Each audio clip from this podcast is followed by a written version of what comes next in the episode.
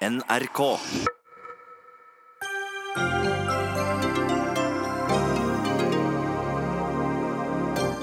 Nye overskrifter om skatteparadiser, men skjedde det egentlig noe etter de forrige avsløringene?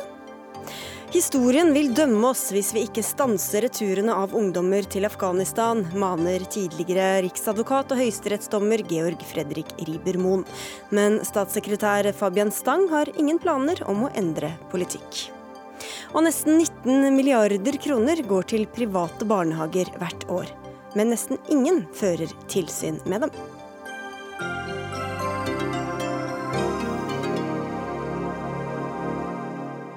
Dette er Dagsnytt 18, hvor vi også skal diskutere norsk våpeneksport. Jeg heter Sigrid Solund. Halvannet år etter at Panama-avsløringene skapte overskrifter verden over, letter paradisdokumentene på ny på sløret inn til en lukket verden. Sammen med journalistkolleger over hele verden har Aftenposten publisert nye avsløringer om hvordan internasjonale selskaper, politikere og andre enkeltpersoner benytter seg av skatteparadiser. Og Tone Tveøy Strøm Gundersen, du er nyhetsredaktør i Aftenposten. Panama-dokumentene husker vi handlet om skatteplanlegging, skatteparadiser, skatteunndragelse. Hva er nytt med disse avsløringene? Ja, De handler jo egentlig mye uh, om det samme, men uh, jeg tror kanskje det som er mest nytt i, i, disse dokumentene, er at de i større grad ikke bare tar for seg de som har selskaper der, eller som har grunner til å ha konto der, men også handler om varer og tjenester som vi møter i det daglige, som ser grunn til å organisere virksomheten sin uh, i disse skatteparadisene, skatteøyene. Hva slags varer og tjenester da? Ja, Det må vi jo komme tilbake til etter hvert. Vi har jo foreløpig publisert Eh, internasjonale saker primært. Eh, og så kommer det til å komme flere saker etter hvert. Men jeg tror samlet sett så vil det kanskje være det som er inntrykket denne gangen, i større grad enn det det var med Panama-dokumentene. Men viser dere at det har skjedd noe ulovlig her? Det er egentlig ikke hensikten med, med denne journalistikken. Hensikten med denne journalistikken er å vise frem det som er lukket for offentligheten, nemlig hvordan man organiserer skatt. Eh, og hvordan man organiserer virksomhetene sine. Og vi håper jo å få til en debatt om det, snarere enn å vise frem akkurat det som skal være ulovlig. Det er ikke nødvendigvis poenget med, med denne journalistikken. Mm. Kari Elisabeth Kaski, du er stortingsrepresentant for SV, og dere mener at regjeringa ikke gjør nok for å hindre bruk av skatteparadis. Hva er det dere savner? Vi savner, er jo en mye mer eh, aktiv tilnærming i bekjempelsen av skatteparadiser. Men Man må huske på er at skatteparadiser, enten når det kommer til det ulovlige, men også lovlige virksomhet og etableringer i skatteparadis, er med på å bryte ned eh, både demokratiet og velferdsstaten og fellesskapet, både nasjonalt og internasjonalt. Det her vi snakker om her, det er egentlig et internasjonalt skattesystem som er i global krise. Eh, det er enormt mye penger som forsvinner eh, gjennom skattesystemer, som ikke går til fellesskapet. Eh, og det er vi nødt til å ha en mye, mye større satsing imot. Og da er det tre ting vi er særlig opptatt av. Det ene er at Norge bør gå foran for å sikre mye større åpenhet. Både når det kommer til selskapsstrukturer, når det kommer til eierskap, når det kommer til hvor selskaper har inntjeninga si og hvor det betaler skatt. Det gjelder både nasjonalt og internasjonalt. Vi bør bidrar i mye større grad sjøl til å bekjempe skatteparadiser gjennom å ikke investere i det eh, gjennom våre sparepenger. Oljefondet f.eks. Eh, er jo med på å opprettholde de her strukturene i skatteparadiser, som igjen brukes av kan f.eks. i kriminelle aktører, fordi at det er samme infrastrukturen som finnes i de skatteparadisene. Og til slutt så bør vi også være mer aktive for å få på plass et nytt globalt skattesystem, som gjør at det er vanskeligere for f.eks. de store multinasjonale selskapene å unndra unndra seg så mye skatt som de gjør i dag. Ok, Her var det mye på en gang, Sivert Bjørstad. Du er stortingsrepresentant for Fremskrittspartiet. Er du, er du enig først i, i, beskrivelsen av det problematiske ved disse såkalte skatteparadisene? Ja, altså det, Vi må skille mellom de to, de to tingene som er altså Det ene er jo det som er ulovlig, det andre er det som er lovlig. Altså Det som er ulovlig, er jo hvis man f.eks. skjuler formuer i såkalte lavskatteland eh, eller skatteparadiser, og ikke oppgir det til norske myndigheter. Det er ikke bare ulovlig, men det er også forferdelig umoralsk. Så er det de legitime virksomhetene. Det er klart at hvem som helst kan opprette et selskap på Bermuda eller andre land, på lik linje med at folk fra Bermuda eller, Norge, eller Danmark eller Sverige oppretter selskaper i Norge. Så det er jo ikke ikke så vanlig. Jo, men altså mange, mange, svensker oppretter jo selskap i Norge. Vi kan ikke eh, forby deler, på lik linje med at vi ikke kan forby nordmenn å opprette selskap i eh, lavskatteland. Men problemet er der det blir eh, unndratt skatt, altså man skjuler formuer i eh, lavskatteland. Og det andre problemet er at man flytter overskudd fra én filial f.eks. i Norge, da, eh, tilbake til et annet land ved hjelp av eh, spissfindige skatteregler. Men der gjør man altså ganske mye allerede i dag. Eh, OECD og G20-landene har oppretta det her såkalte BEPS-regelverket, som gjør at det er vanskeligere å skjule eller flytte overskudd fra et land til et annet med det formål å hindre skatt. Men, men, her blir dere beskyldt for å ikke gjøre nok, eh, mm. og, og komme med tre forslag fra SV her. Mm. Er, er, du enig eller uenig i dem? Eh, nei, altså jeg mener at vi kan gjøre det mer hensiktsmessig på andre måter. Vi har bl.a. fått eh, informasjonsutvekslingsavtaler med nesten alle eh, såkalte skatteparadisland. Eh, det vil si at det eh, i årene framover vil være vesentlig vanskeligere å skjule formuer enn hva det har vært fram til nå. For så er det i 2017 første gang at Bermuda bidrar med informasjon til andre land. Så det er jo et eh, veldig stort fremskritt at vi faktisk får med de her landene på den type informasjonsutveksling. Og det er et arbeid som må fortsette videre. Men eh, Kaski, er det sånn at du, uh, altså det, det, som er ulovlig, det er jo alle enige om at det skal man jo slå ned på. Men er det sånn at dere også ønsker bare mindre bruk av disse lavskattelandene eh, generelt? Ja. Også der hvor det ikke er ulovlig i det hele tatt? Definitivt. For jeg tror det er på tide med å løfte fram debatten om hva også den, den lovlige delen her innebærer. De nyeste anslagene tilsier at 62 2000 milliarder norske kroner er i skatteparadis. Hvis du sammenligner det med oljefondet, så er oljefondet på 8000 milliarder norske kroner. Det er enorme penger som er i de skatteparadisene. Og, og selv om du får på plass eh, informasjonsutvekslingsavtaler med de skatteparadisene, så, så, opphører de jo ikke å være skatteparadis. Men det kan være de, helt legitim bruk av de skatteparadisene? Og, men det er altså skatteparadiser som er satt opp for både at det skal være lav skatt, som betyr at store multinasjonale selskaper eh, betaler Jo, men ikke sant? Jo, men husk på, jo, men husk, jo, men la meg ta det her ferdig. fordi at Husk på at Google eh, hadde altså en inntjening i Norge på 1,9 milliarder og betalte 2 millioner i skatt i Norge. Helt lovlig. Så det er enorme penger som ikke fellesskapet uh, får, som man burde ha fått. Og de her ska, uh, skatteparadisene er med på å, tilrettelegge for det. Ja, fordi Han ønsker vel disse pengene inn i norsk Absolutt. Vi mener at, uh, at verdiene bør skattes der de blir skapt. og Det er jo nettopp derfor vi innfører denne rentebegrensningsregelen nå, for eksempel, som gjør det vanskeligere å, å flytte overskudd fra ett land til et annet. Men jeg syns Kaski må svare på at mange land har jo også høyere skattenivå enn Norge. Skal det da altså være forbudt for investorer fra de landene å investere i Norge? fordi da vil jo Norge bli sett på som et lavskatteland for de landene som har høyere skatt enn Norge. Det må jo være en logisk konsekvens av det SV sier, at utlendinger heller ikke bør få investere sin kapital i Norge. Det betyr lavere velferd i Norge, det betyr mindre penger til skole, helse og alle viktige Nei. formål. Ja. Hvis SV får det som de vil. Det må være en viss konsekvens i det man, eh, det man foreslår. Hvis det hadde vært en konsekvens fra regjeringa, så hadde regjeringa gjort langt mer for å få på plass et nytt internasjonalt internasjonalt skatteregime som gjør det vanskeligere for de multinasjonale selskapene å unngå å betale Nei, men vi kan gå i større grad i spiss for det. Jo, men det er jo det vi gjør. Nei, det er det vi mener nettopp at regjeringa ikke gjør. Og vi var veldig overraska når vi leste statsbudsjettet eh, som ble lagt fram nå i høst. For blant annet så ser vi jo at regjeringa legger bort Skatt for utvikling-programmet, som er et program som man har hatt for å bidra til at utviklingsland får bedre eh, systemer for å hente inn skatt. Man, man fjerner målet målet for bistand som dreier seg om kapitalflukt. Så vi ser gang på gang på gang at regjeringa ikke går foran på dette området. Helt kort til det, Bjørnstad, før vi slipper til en fjerde person her. Jo, men altså Det viktigste vi har gjort, det er eh, at vi har stått i spiss sammen med OECD og G20 i å utvikle det her BEPS-regelverket, som gjør det vanskeligere å flytte overskudd fra bedrifter fra et land til et annet med det mål å eh, redusere skatten, og det å få disse avtalene med de landene som man i dag regner som eh, skatteparadiser, og få dem til å utveksle informasjon med våre land. Det er det viktigste arbeidet vi kan gjøre, også i framtida.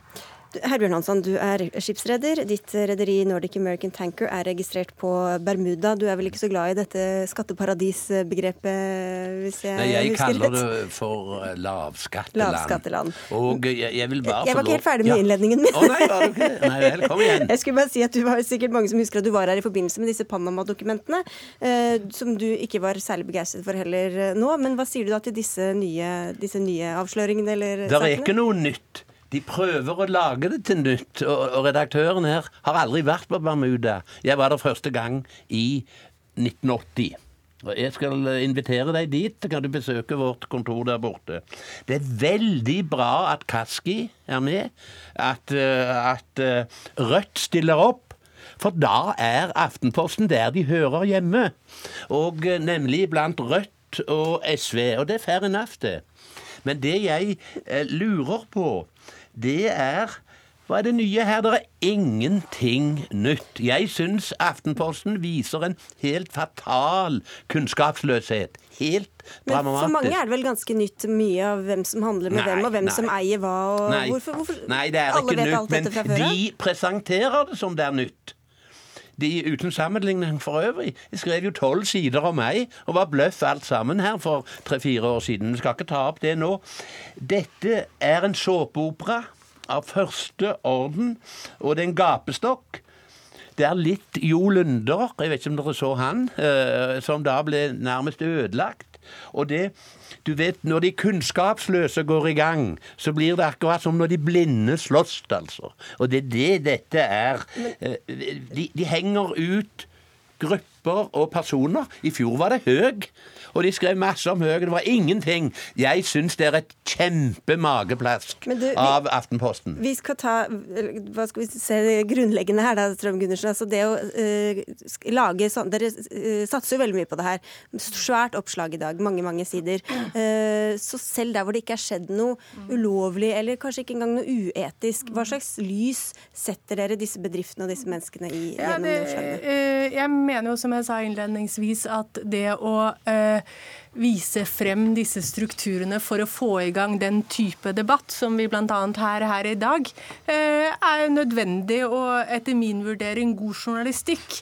Uten at det er styrt av partipolitikk eller andre interesser når vi går i gang journalistisk med dette. Så det Ubrukelig journalistikk, spør du så, meg. så er det jo en grunn til at det kommer mye på en gang. Det er fordi vi samarbeider med andre aviser, men det er egentlig underordnet her. Men det aller viktigste er at jeg, jeg mener at det å få frem eh, disse strukturene er, eh, er bra for journalistikken. Det er bra for de som ikke kjenner til det.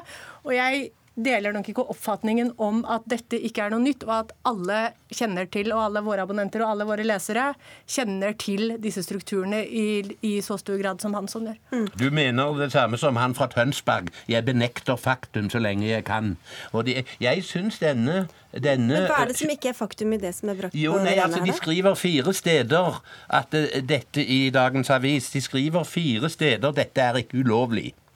De henger ut folk. Men Men, dere har god support fra Rødt og Kaski. Ja, men Avisene må vel kunne skrive om ting som ikke er ulovlig også, men Det for å å ta det opp til henge ut folk uberettiget, det er umoralsk, og det er lite aktverdig, spør du meg. Det syns jeg er Det er dårlig gjort, altså. Jeg, jeg vil ikke henge ut dere, men jeg sier dere er kunnskapsløse. Og du sier jo selv du har aldri vært på Bermuda. Jeg var der første gang i 1980, jeg. Men jeg må ikke eh, bruke for høy stemme og se for sint ut, for da er det hersketeknikk. Det var det du skrev forrige gang. Ja, ja, ja, Jeg bare si akkurat til det å henge ut, så, så jeg er uenig i det. Fordi eh, når vi gjør journalistiske vurderinger av de sakene vi skriver, så vurderer vi jo om personer er relevante. Og f.eks. saken om Wilbur Ross i dag eh, er jo absolutt relevant inn i den granskingen som nå foregår av kontakten mellom USA eh, og Russlands og forretningsforbindelser i Russland. Det opplever ikke jeg er å henge ut, det opplever jeg er journalistikk eh, som får frem nye eh, nye eh, ting om den eh, avtalen. Kaski? Jeg får kanskje opplyse om at eh, Jeg kommer fra SV, ikke fra Rødt. Og, nei, eh, ja, ja, ja, ikke sant? er det ja, nei, det er det ikke. Det er et annet parti vi jeg representerer, da. Og Det som særlig kjennetegner skatteparadis, det er hemmelighold. Og det er ikke bare hemmelighold når det kommer til at, at folk eh, unndrar seg skatt, det skjer jo også, men det er også hemmelighold som blir tilrettelagt at man kan skjule eierskap, man kan skjule eh, ulike aktører som står seg nær, bindinger, sånn som vi har sett av de avsløringene som har kommet nå, f.eks. mellom Putin og en av Trumps sine, sine nærmeste. Den type, eh, den type kunnskap er det stort behov for at vi får, for at det, det avslører makt. Det avslører hva slags type bindelser som, som finnes. Og det har faktisk samfunnet eh, Det bør samfunnet få vite. Det er det ene. Det andre er at vurderinga av hva som er lovlig og ulovlig, det må selvsagt gjøres, og her er det mye grå, eh, gråsoner. Men også med politikere må vi også ta stilling til om lovverket er godt nok. Og etter min mening er det helt åpenbart at det ikke et spørsmål. Ja vel. Og det er hvorfor stemte dere for eierskapsmeldingen? Som akkurat eh, tar opp det som han på høyresiden nevner. Dere stemte for eierskapsmeldingen. Det var 100% i, i Stortinget om dette med informasjonsutveksling innen OECD. Og det gjorde dere, gjorde dere ikke det det? Og- Ja, og vi ja, har jo vært- og vi har jo nå sitter ja. du og argumenterer på annen måte. Nei, jeg gjør jo, ikke det. det og du. vi er nettopp for alle de internasjonale initiativene som pågår rundt det her. F.eks. i OECD. Det er veldig bra. Mitt argument er bare det at Norge bør strekke seg lenger. Fordi veldig mange av de landene som deltar i de OECD-prosessene, er nettopp skatteparadiser sjøl, Mm. med store økonomiske interesser knytta til det her. Men det, det vil jeg høre med deg, Bjørnstad. Mm. Syns du det er bra at Aftenposten skriver og, og, og avdekker det de gjør? Ja, jeg syns det er bra at uh, det meste som er skjult, kommer fram i lyset. og det, mener jo at den debatten vi har hatt de siste årene, gjør det vanskeligere for øh, øh, kall det lavskatteland eller skatteparadisland å skjule informasjon. Fordi det vi ser er at flere og flere land nå går ut av det skallet de tidligere har sittet inn, og faktisk deler informasjon med, med oss andre land. Altså, det er, kommer til å bli vanskeligere i framtida å skjule formuer eh, i utlandet enn hva det har vært de foregående 10-20-30 årene. Men så må man man må virkelig skille mellom det som er ulovlig og det som er lovlig. For det er helt legitimt å starte en bedrift i et hvilket som helst land, så lenge det er åpenhet rundt det. Og hvis jeg har lyst til å starte en bedrift i USA eller Bermuda, så bør jeg få gjøre det. På lik linje med at alle bør få gjøre det også i Norge, så lenge det er åpenhet knytta rundt det, og at man ikke skjuler formuer. Men kan det virke litt mistenkelig det dere skriver om selv, der hvor dere presiserer at ikke det er ulovlig allikevel? Nei, altså jeg mener at veldig mye journalistikk handler jo ikke om alltid å avdekke ulovligheter, men det handler om å få opp forhold i lyset som, som man kan debattere. sånn at jeg kan ikke være med på det premisset at det virker mistenkelig å skrive om saker. Og så var det jo også sånn at etter Panama-dokumentene så var det avsløringene som felte to statsministre og 6500 etterforskninger som pågår verden rundt eh, Herbjørn Hansson, så da var det vel eh, noe i det? Ja, Men der snytes skatt over en lav sko alle steder. Og i Norge Jeg tror det er mye mer skattesvindel i Norge enn det er på Bermuda. Det må være fullstendig klart. Er Bermuda Jeg skal fortelle deg det, du, Kaski. Du, nå, nå må jeg få snakke. Nå må jeg få snakke. Men Bermuda er et av de mest velorganiserte samfunn jeg kjenner. De sorte og de hvite lever på siden av hverandre. De har god, gode sykehus. De har fullt demokrati. Tidligere statsminister på Bermuda var i mitt styre, sir David Gibbons, i tolv år.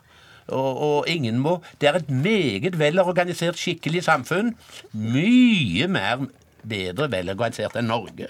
Jeg vil gjette på det er mye mer korrupsjon i Norge enn i Bermuda. Da får der- Aftenposten ta Ja. og, og andre også ta, gå i, i, etter i alle Jeg er helt enig, men jeg syns også, bare for ordens skyld, herr, fru programleder, at jeg ifølge pressen, jeg kaller det for sosialpornografi, så er jeg den største skattyter i Sandefjord. Og den beste måten å spare skatt på, det er altså ikke å tjene penger. Det, det, det, det, det må jeg si. da tror jeg vi avslutter akkurat sånn som vi gjorde sist, eh, Herbjørn Hansson. ja, okay. Mener husk huske at det var avslutningen da òg. Men dere, vi får eh, se hva som dukker opp eh, videre i Aftenpostens spalter og andre steder. Tusen takk skal dere ha alle sammen. Herbjørn Hansson, Sivert Bjørnstad, Kari Elisabeth Kaski og Tone Tveøy Strøm Gundersen fra Aftenposten. Dagsnytt 18 alle hverdager klokka 18. På NRK P2 og NRK2.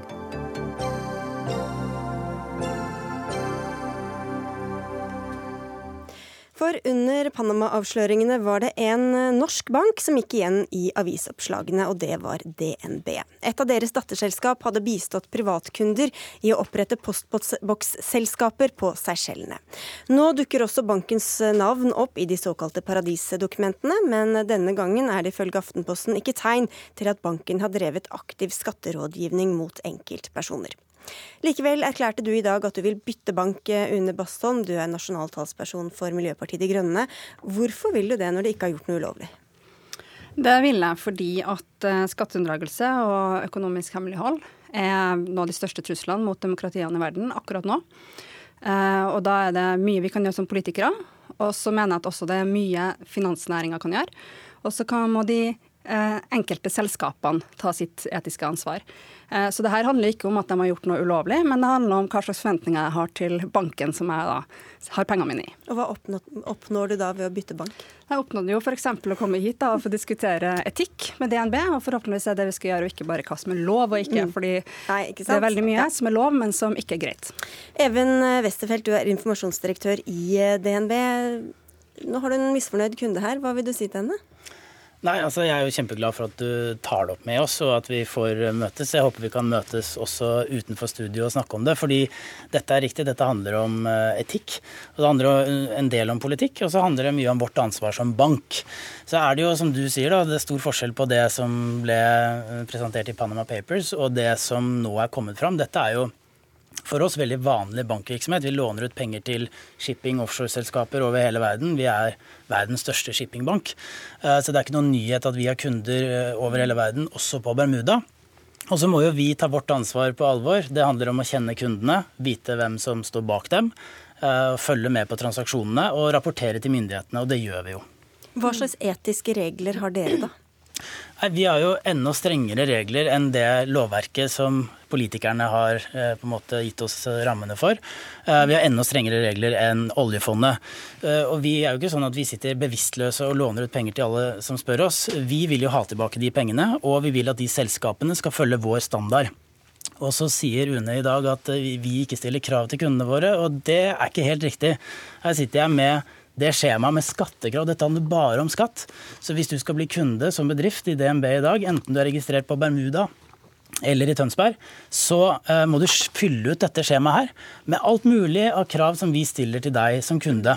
Og det som er bra, da, det er jo at verden har gått videre. Også takket være denne type lekkasjer og avsløringer. Så dere er glad for det som ble avslørt sist gang? Selvfølgelig, og Aftenposten fortjener honnør. Ja, men det, det, det, bidrar jo til en viktig debatt. da. Uh, og så er det sånn at uh, verden uh, heldigvis har kommet videre. Politikerne har jo lykkes internasjonalt med å lage regler som gjør at akkurat nå så sitter det 200 kollegaer hos meg og forbereder skatterapportering for alle våre kunder, også de på Bermuda. Så hva er det du savner da, Bastan? Det jeg savner, er jo at de tar mye tydeligere stilling til at de har flere hundre selskaper som benytter seg av skatteparadiser. Bare Bermuda, sier konserndirektøren til Aftenposten, at de har flere hundre kunder uh, som er etablert i.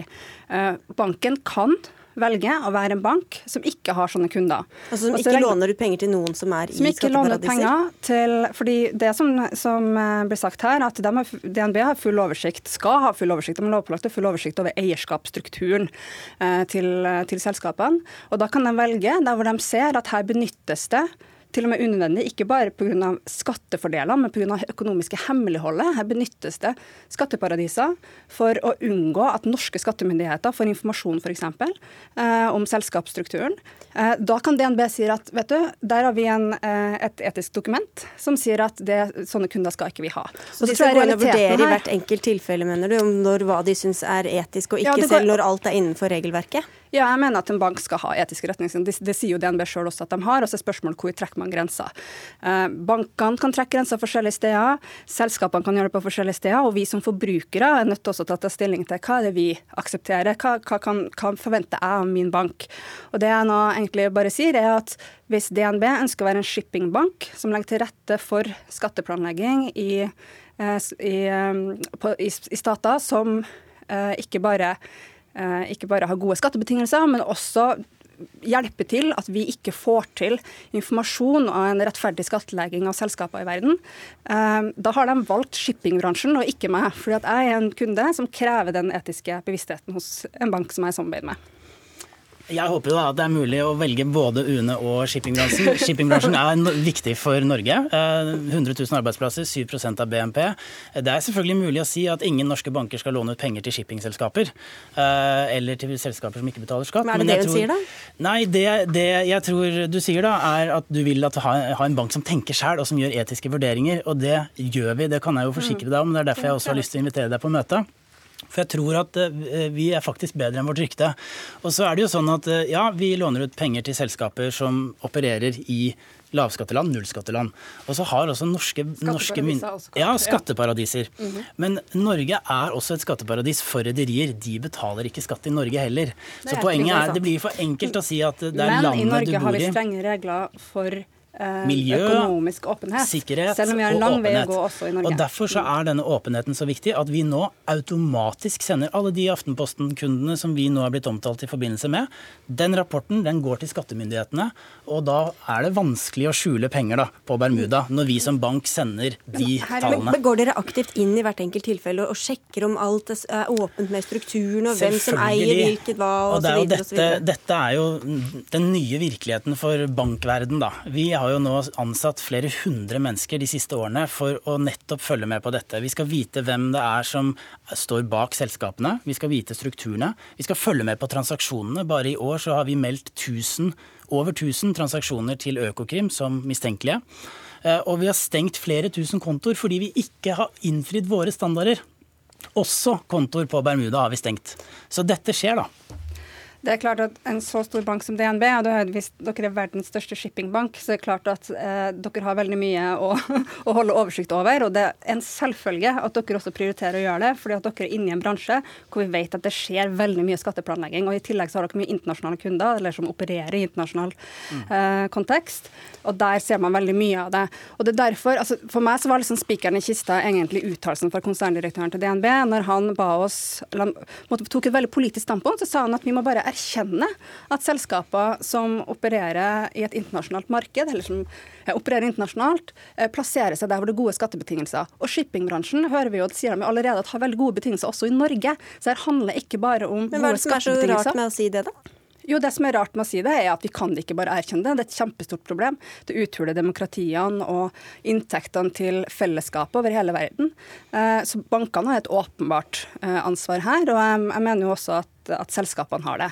Men ikke sant? Eh, nå er jeg i ferd med å si at det handler ikke bare om skattefordelene. Det handler om at man benytter, altså man plasserer deler av virksomheten sin, om det er i Seychellene eller i Bermuda, for å unngå at norske myndigheter får tilgang, og også DNB får tilgang til en informasjon som vi egentlig burde ha om eierskapsstruktur og hvem som eier hva, hvor mye skatt de betaler. Vi har jo denne informasjonen, for det er jo kontoer som er her i Norge. Eh, og så sender vi den informasjonen til myndighetene. Men eh, vi tar deg på ordet. Dette er etiske vurderinger som vi gjør. Jeg håper du ikke bare baserer deg på den ene linjen i det intervjuet, fordi han sa veldig mye mer. Blant annet at vi har et ekstra stort ansvar for å følge med på kundene og kaste ut de kundene som ikke svarer til vår etiske standard. Og nå skal dere ta et møte på privatbudsjettet. Får alle kundene like god oppfølging, eller? Ja, det er jo målet. Takk skal dere ha, i hvert fall. Une Bast Bastholm fra MDG og Even Westerfeld fra eh, DNB.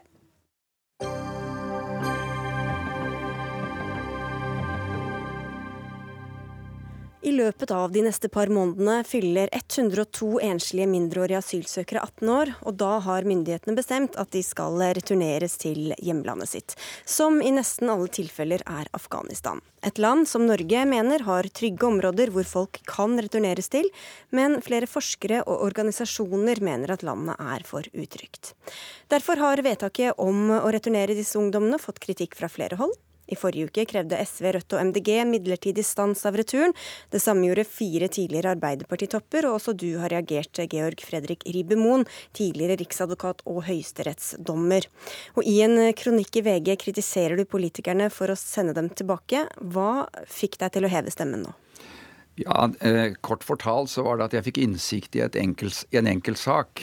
En ung afghaner som eh, hadde en vanskelig flukt som tenåring over til Vesten, hvor han eh, var, var utsatt. Han hadde sett sin 14-årige kamerat bli skutt. Han hadde forlist i, Middelhavet, men kom seg nå til slutt til Norge.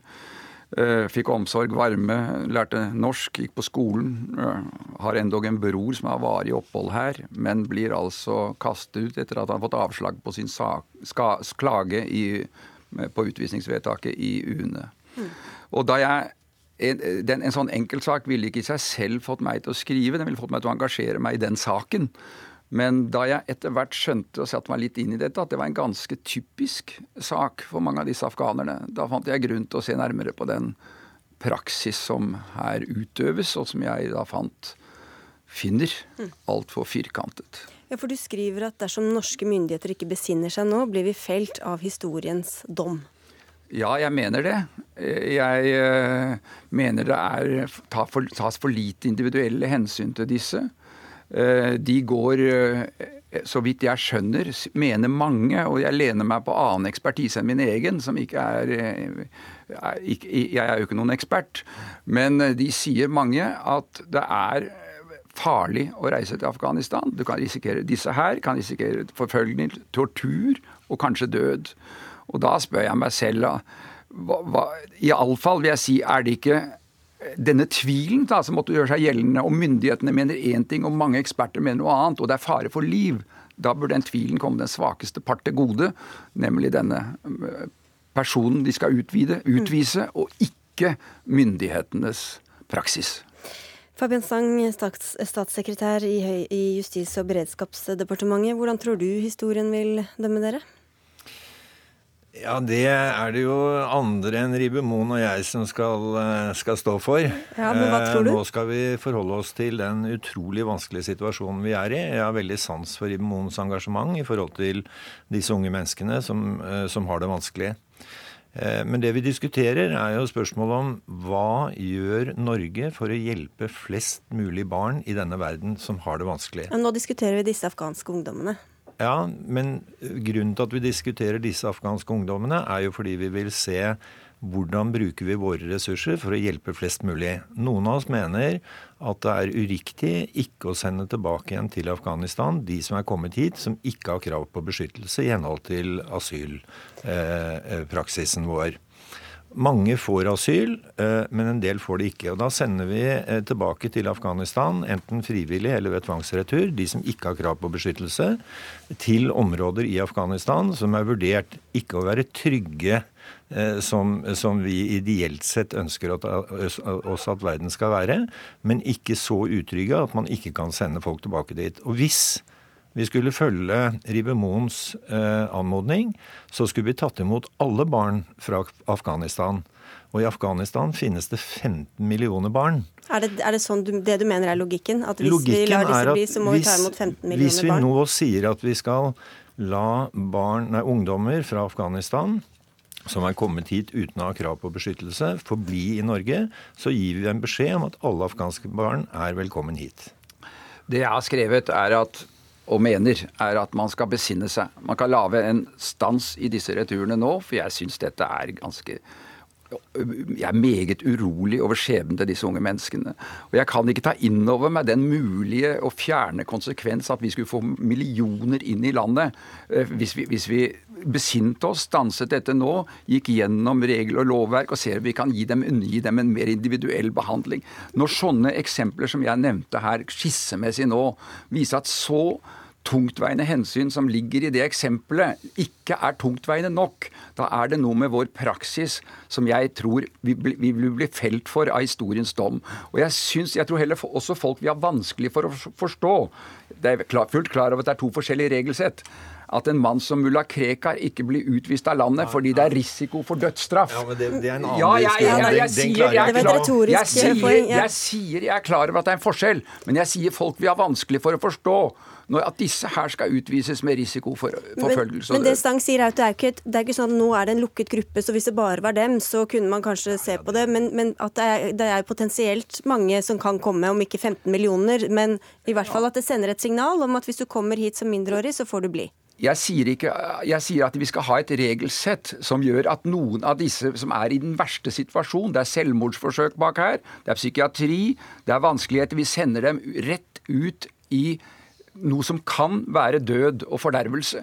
Og vi gjør det til tross for altså at eksperter som kjenner Afghanistan Den siste var Kai Eide nå som gikk hardt ut. Så det er mye verre i Afghanistan nå enn det var. Og også Landinfo snakker om langt flere som blir drept. Vi kan ikke ut fra mulige konsekvenser syns jeg, sende mennesker ut i en sånn situasjon. Og Hvilke kriterier er det dere da legger til grunn for at her er det trygt nok til å er, sende disse tilbake? Det er vurdert av det som heter Landinfo. Og... Men Landinfo gir bare informasjon, så er det dere ja, som skal vurdere det, det. Så er det UDI som tar den endelige beslutning. Men vi bruker altså milliarder av kroner på enslige mindreårige asylsøkere i Norge. Hvis vi kunne brukt noen av de milliardene på barn i Afghanistan, så hadde vi unngått nettopp det som Ribe Moen beskriver i sitt innlegg, hvor han sier, og som han var inne på, etter en dramatisk flukt fra hjemlandet han så sine unge jevnaldrende venn, 14 år, bli skutt. Han opplevde forlis i Middelhavet og hadde store traumer etter at han kom. Hvis vi nå sier at hit kan du bare komme, så blir flere sendt ut på denne forferdelige reisen.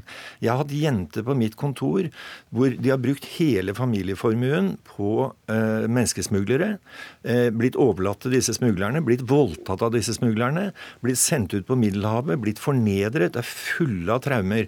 Det er det vi oppfordrer til. hvis vi vi nå ikke skjønner at vi må hjelpe barn i Afghanistan i Afghanistan fremfor å lure dem Men til å komme hit. Men Er det alternativet? At dere skal bruke alle pengene dere gjør i dag på mindreårige asylsøkere på å gjøre det bedre det vil i hvert fall frigjøre betydelige Men gjør dere det i så fall? Ja, det er jeg sikker på at regjeringen vil gjøre. Bruke store deler av dette til hjelp i nærområdene. Hvis vi kan slutte når... å lure folk til å komme hit med de forferdelige lidelser det medfører underveis. Det er ikke snakk om å lure noen til å komme hit. Det det er snakk om, er å rett og slett opptre som en, en, nasjon vi ønsker å være. Som tar humane hensyn, som følger menneskerettigheter. Det sies at dette er i strid med internasjonale konvensjoner, det vi gjør. Og det forekommer meg å være en litt lettvint utvei. Unnskyld det, all respekt for deg, Fabian Stang. Men det forekommer å være en lettvint utvei å vise til at vi må hjelpe dem der nede. Hjelpeprosjekter i Afghanistan, det er for meg like eh, i det blå så mye annet som uh, Vi bruker altså 750 millioner men, kroner men, allerede men, i Afghanistan. Men, dette, men de, de, du, den situasjonen du beskriver, det er jo også det de rømmer fra i utgangspunktet da, for å komme til Norge, og som de da skal tilbake til uh, når de blir returnert til ja, Afghanistan. Og, og da er spørsmålet hvordan, uh, Hva er det UDI legger vekt på, som de andre ekspertene ikke legger vekt på, når de sier at det er utrygt? Ja, Det er ingen andre land som ikke returnerer til Afghanistan. Eh, så de ulike ekspertene er jo, er jo eh, da noen som FN blant annet, da? Nei, FN bidrar jo også til dette. da, så Dette er ganske komplisert, det hele. Men det viktigste er spørsmålet om hva i all verden gjør vi for å hjelpe eh, disse unge menneskene best mulig? Og jeg tror det er helt feil å sende dem på en traumatisk reise hit, eh, og som også, etter det Ribben sier, medfører at de blir straffet når de kommer hjem. Eh, da har vi jo virkelig eh, rotet det til for de vi ønsker å hjelpe. Hva, hva tror du hadde skjedd da, hvis de hadde bare fått bli eh, Ribbemoen? Hvor mange hvis tror du hadde i Afghanistan? Da? Nei, Hvis de hadde fått bli her? Hvis det hadde vært signalet? Nei, altså, det vet jeg ikke mye om. Det kan jeg ikke svare på. Det er jo et hypotetisk spørsmål. Og det er også et hypotetisk spørsmål for politikerne hvilke konsekvenser det ville ha fått om vi nå stanset dette, til, gjorde reglene lav, senket terskelen noe, at de mest ulykkelige av disse her, som kan risikere de største forfølgelsene og tortur i hjemlandet, at de får, en, får, lov å bli her hvor de nå har delvis slått rot som følge av et midlertidig opphold.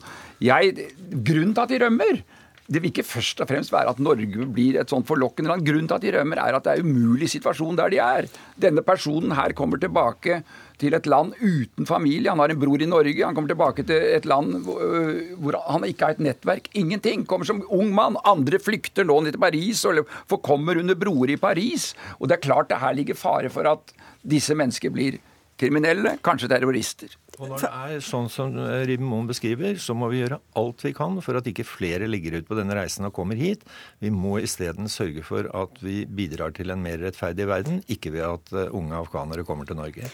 Rettferdig verden. Det er akkurat det jeg etterlyser. Dere blir ikke helt enige her, men takk for at dere tok debatten, Fabian Stang og Georg Fredrik Ribemoen.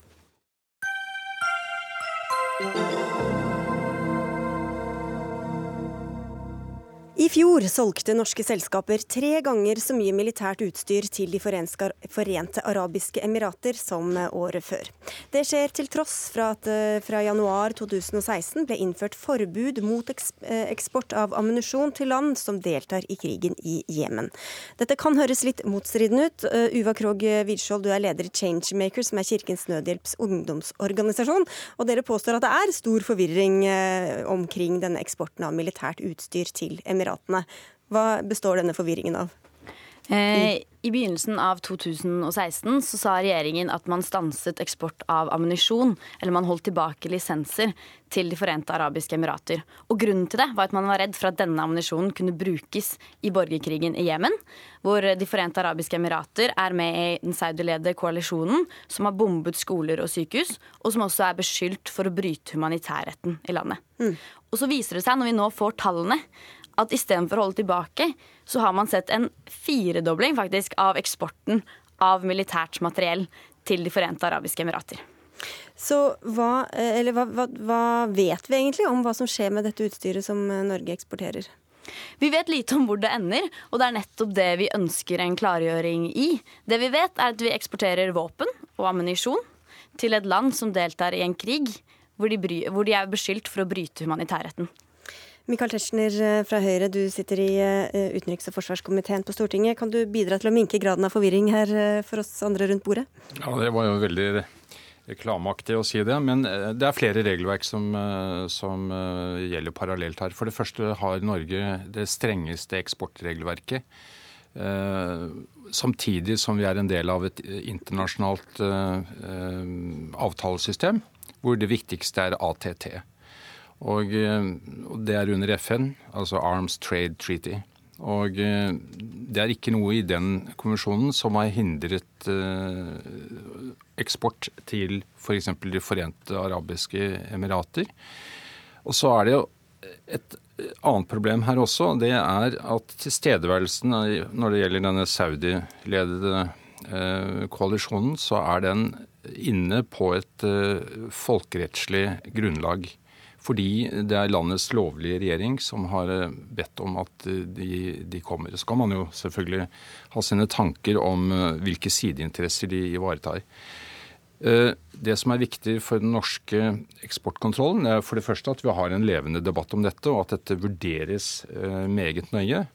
Og Grunnen til at man i 2016 satte ammunisjonseksporten på hold når det gjaldt Forente arabiske emirater, var jo nettopp fordi man ville gå dette nøyere etter i sømmene. Og så fikk man både forsterkede erklæringer om bruken, og så har ingen av FN-rapportene og ingen andre rapporter eh, koblet eh, det norske utstyret til engasjementet i Jemen. Og da står vi overfor en eh, lovlig stat som er på eksportlisten, i motsetning til Saudi-Arabia, som ikke kan få våpen og ammunisjon, men eh, bare såkalt B-utstyr, altså annet militært materiell som ikke er våpen og ammunisjon. Så vi prøver å, også å komme på linje med EUs øh, åtte kriterier, som sammen med ATT er det beste internasjonale regelverk vi har for å eh, håndtere og, og ha en lik praksis mm. når det gjelder eh, handel med våpen. Audun Lysbakken, SV-leder, du er også medlem av den samme, eh, samme komiteen. Hva, hvordan stiller du deg da til den eksporten som vi har i dag? Nei, Vi er mot at vi skal eksportere ammunisjon, krigsutstyr, til eh, den koalisjonen som er ledet altså av det islamistiske, fundamentalistiske regimet i Saudi-Arabia, og som eh, står bak en rekke grove overgrep i krigen i Jemen. Det er altså sånn at Den saudi-ledede koalisjonen er én av de som er inne på FNs uh, såkalte svarteliste over land og parter som har begått alvorlige overgrep mot uh, barn i krigen i Jemen. Det er ingen tvil om at det foregår brudd på internasjonal humanitærrett. Det er sterke mistanker om eh, krigsforbrytelser. Dette er altså en av de aller største humanitære krisene i verden i dag. En svært brutal krig. Da kan vi ikke eksportere krigsutstyr, ammunisjon, uten å være helt sikre på at norsk utstyr ikke brukes i den krigen. Og det er vi ikke, for regjeringen er ikke i stand til å gi noen garanti for det. Nei, Men du vet ikke at det gjør det heller? Nei, men jeg syns at det må være de som eksporterer og de som tar beslutningene, som har bevisbyrden. Og vi har igjen og igjen eh, etterspurt om vi kan få noen sånne garantier. Og så lenge vi ikke får det, så foreslår vi for Stortinget å stoppe eksporten. Jeg mener jo at regjeringen var klok når den eh, innførte denne pausen, viste til dette føre var-prinsippet. Men jeg kan ikke se at det ikke er all mulig grunn til å gjøre det samme og være føre var også nå. Hva slags kontroll fører vi, Tetzschner? Hva, hvordan, hva veit vi faktisk om hvor det havner? Nei, det er altså og ja, For det første så er det ikke så umulig å spore. For det er, det norske, de norske myndighetene, eksportkontrollmyndighetene, benytter også etterretningskilder og mer uoffisiell uh, informasjon fra, fra, disse områdene. Og det er FN-rapporter. Nå skal man jo ha en uh, såkalt mekanisme under FN-regi som skal gå gjennom alle påstandene om de meget forskjellige partene som anklages for å ha brutt humanitærretten, og som utvilsomt også har gjort det. Men derfra til å si at uh, For De forente arabiske emiratene ikke kan eh, importere eh, materiell fra Norge ut fra en individuell og konkret vurdering som norske myndigheter har gjort og gjør løpende, det, det blir å hoppe til konklusjonen. For øvrig så har det jo ikke noe med at vi eventuelt liker eller ikke liker disse samfunnssystemene som de har. og Det var altså jeg tror kanskje Lysbakken var med i den regjeringen som åpnet for nettopp å eksportere til De forente arabiske emiratene i, i 2010. Men hvilken rolle spiller det om vi sender, eksporterer til eh, Saudi-Arabia eller Emiratene hvis de deltar i de samme ø, operasjonene eller samme krigene?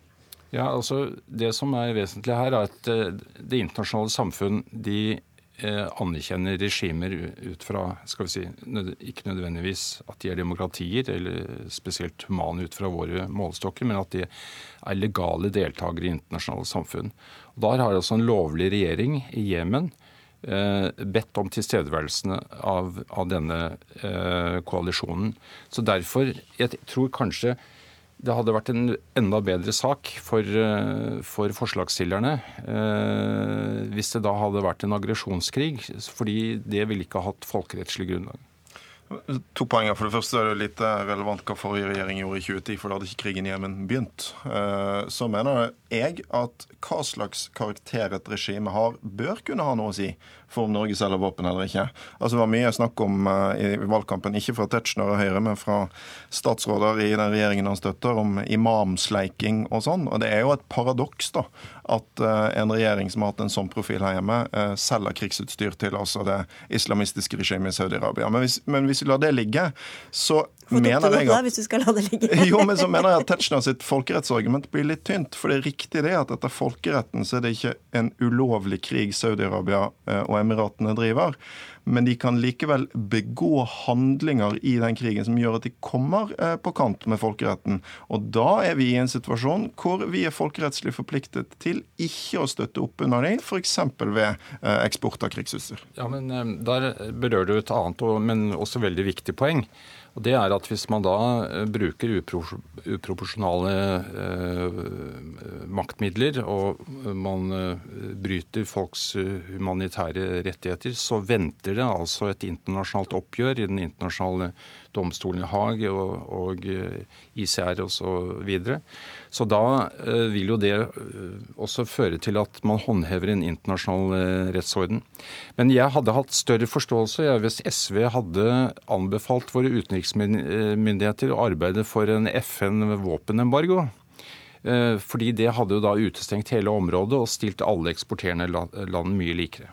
Men du, Er det noe du kunne gått for, da? Jeg ville i hvert fall synes at det var langt mer logisk enn at man eventuelt eh, avsto fra de meget beskjedne eh, innskrenkningene i norsk, råd, i, i norsk eksport. Husk at 85% av norsk eksport den, den går til Nato-allierte og andre nordiske land. Men, men uh, Dette er gjerne med å diskutere. Det syns jeg er konstruktivt. og Vi har fremmet et forslag, en rekke forslag knyttet til Emiratene og Saudi-Arabia i Stortinget, som jeg gjerne diskuterer med Tetzschner. Men det ville jo være litt underlig om Norge skulle gå inn for en våpenembargo, men samtidig fortsette å selge uh, våpen og krigsutstyr til de samme landene. Uh, og det er helt riktig at det ikke er snakk om enorme summer, vel 100 millioner kroner eller noe sånt, inntekt til Emiratene, men det er jo da en god grunn for å la være. Det er nå virkelig ikke en inntekt som er så stor at Norge bør ta noen sjanser på å bli dratt inn i noe som vi ikke kan stå for. Vi skal slippe til Changemaker også litt til slutt her. Ja, eh, jeg tenker jo at Norge har selv ansvar for hvilke land vi eksporterer våpen til. Enten om det finnes et FN-embargo eller ikke. Vi har ansvar for hva disse våpnene brukes til. Eh, så vil jeg bare påpeke at Norge har ikke verdens strengeste regelverk. Vi har land som har strengere regler overfor Saudi-Arabia og, og landet som deltar i krigen i Jemen, f.eks. Sverige. Eh, og når det gjelder Saudi-Arabia og eksport av eh, militært materiell, så er jo dette materiell som Stortinget per definisjon har sagt at styrker landets militære makt. Og vi valgte å fortsette den eksporten selv når landet begynte 2016 med den største massehenrettelsen siden 1980. Så her handler det på en måte ikke om de tekniske teknalitetene. Det handler ønsker vi å støtte disse regimene militært, eller ønsker vi ikke å gjøre det. Du, da skal jeg spørre helt til slutt, Tetzschner. Hva skal til for at du skal bli imot uh, å eksportere til uh, Emiratene? Ja, det måtte jo være hvis man den internasjonale eh, samfunnet eh, bestemmer seg for en felles holdning. Fordi det at Norge eventuelt ikke eh, selger for 5,7 millioner kroner til et av eh, disse mindre eh, landene, har ingen betydning. Det har kanskje litt markeringseffekt for vår hjemlige politikk, men hvis vi skal bringe verden fremover, så må vi gå sammen. Og da er det veldig viktig at vi samordner oss også med EU-regelverker, som er tatt inn i norske, de norske retningslinjene som UD jobber etter, og en nøye etterlevelse av ATT-avtalen, som er under FNs oppsyn. Det høres ut som dere har noe å snakke om uh, utenfor studio. Vi må avslutte, dessverre. Takk skal dere ha, Tuva Krogh Widskjold fra Changemaker, Michael Tetzschner fra Høyre og Audun Lysbakken fra SV. Hør Dagsnytt 18 når du vil. Radio NRK.no.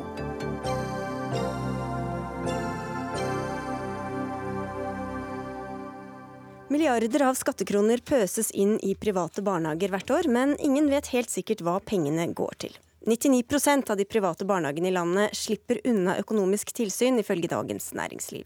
Tilsynet skal sikre at pengene går til driften av barnehagene, og ikke primært til utbytte til eierne. Kent Gudmundsen, stortingspolitiker i utdannings- og forskningskomiteen fra Høyre. Hva kan konsekvensen av dette manglende tilsynet være? Ja, det er klart, eh, det vil jo gjøre at vi har eh, ikke full oversikt. og Nettopp derfor er det jo at eh, regjeringa for over et år siden bestilte en rapport som vi fikk nå på fredag, som nå danner grunnlag for den gjennomgangen og debatten som vi har. Eh, nå eh, skal man vurdere ulike tiltak og samarbeide med kommunene og sektoren eh, se om det kan gjøres regelendringer for at vi skal få en bedre praksis fremover. For dette er jo et kommunalt oppdrag. Vi kan høre med mm, landets mest folkerike kommune og med deg, Tone Tellevik Dahl. Du er byråd for oppvekst og kunnskap i Oslo fra Arbeiderpartiet. Hvorfor passer dere ikke bedre på at skattebetalernes penger går til det de skal gå til? Ja, Vi i Oslo vi gjør faktisk eh, det. Eh, vi fikk jo en lovendring i 2012 som eh, påla norske kommuner om å drive økt økonomisk tilsyn med private barnehager. Det en, har vært en sovende paragraf i mange år i mange kommuner. Og vi oppdaget da vi kom i byråd at det, det, oppdraget som vi hadde fått av staten, det hadde ikke vi fulgt. Så vi satte i gang da et arbeid med å drive tilsyn på barnehagene. Men jeg vil også understreke at eh, de aller fleste barnehagene i landet og i Oslo de driver bra. Men det er viktig for tilliten til innbyggerne at de også vet at eh, pengene vi bruker på barnehager, som det stort sett kommer fra det offentlige, men også foreldrebetaling, at de brukes til det vi forventer pengene skal brukes til. Arild Olsen, du er direktør i Private barnehagers landsforbund. 99% fører ikke økonomisk tilsyn av pengene. Du peker på Oslo. Er ja. hovedstaden en versting? Nei, altså, I motsetning til hva vi hører her? Nei, Oslo er, Oslo er ikke en versting. Altså, det, det, du kan si, jeg, jeg, opplever ikke noen som verstinger. For det første så tror jeg ingen forventer at det skal være 100% kontroll. Dette er en stykkprisfinansiert sektor. Det vil si at man får betalt for hvert barn som er i barnehagen, og forventer at det er tilbud. Og Og, og, alt tyder på det er omtrent lik bemanning, det er omtrent lik pedagogandel. Så utgangspunktet så er det at pengene går til det. Det man skal gjøre her, det er når man har mistanke om at pengene er misbrukt, så skal man ha kontroll.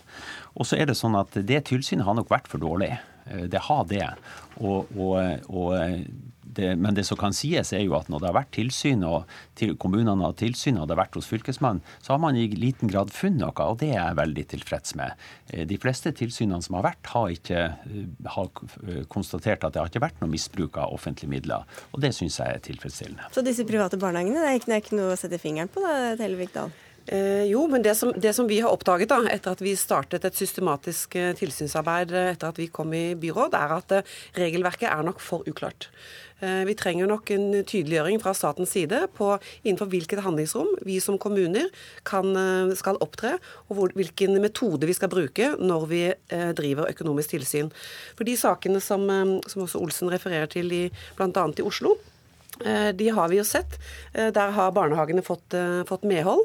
Men det fylkesmannen også sier, er at det er ikke nødvendigvis eh, hvorvidt barnehagen burde ha betalt tilbake penger eller ikke, men de har vært litt misfornøyd med metoden vi har brukt for å eh, komme fram til eh, vår konklusjon.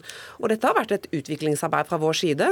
Selv fylkesmannen i Oslo kommune var nødt til å eh, henvende seg til Utdanningsdirektoratet for å få hjelp til å behandle de første sakene som kom fra oss. Og Det viser jo at her er det altfor lite erfaringsgrunnlag, altfor få retningslinjer fra statlig side.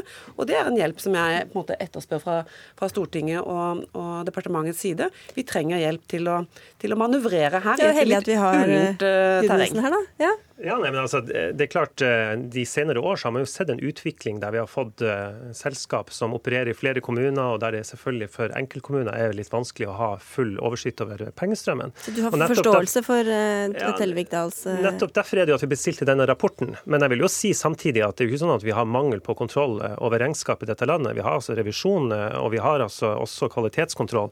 Og vi ser jo fra den siste undersøkelsen fra Utdanningsdirektoratet av de 25 beste barnehagene så er de eh, aller fleste av dem private. sånn at det drives veldig godt ut i eh, privat sektor. Og jeg syns eh, det er et veldig positivt tilskudd det gir til det mangfoldet av barnehagene vi skal ha i dette landet. Det som må sies, det er jo det at det er ingen sektor i Norge som har så strenge retningslinjer for regnskapsførsel og dokumentasjon som barnehagesektoren. Det er ingen sektor som må dokumentere hver gang momsoppgaven sin fra revisor.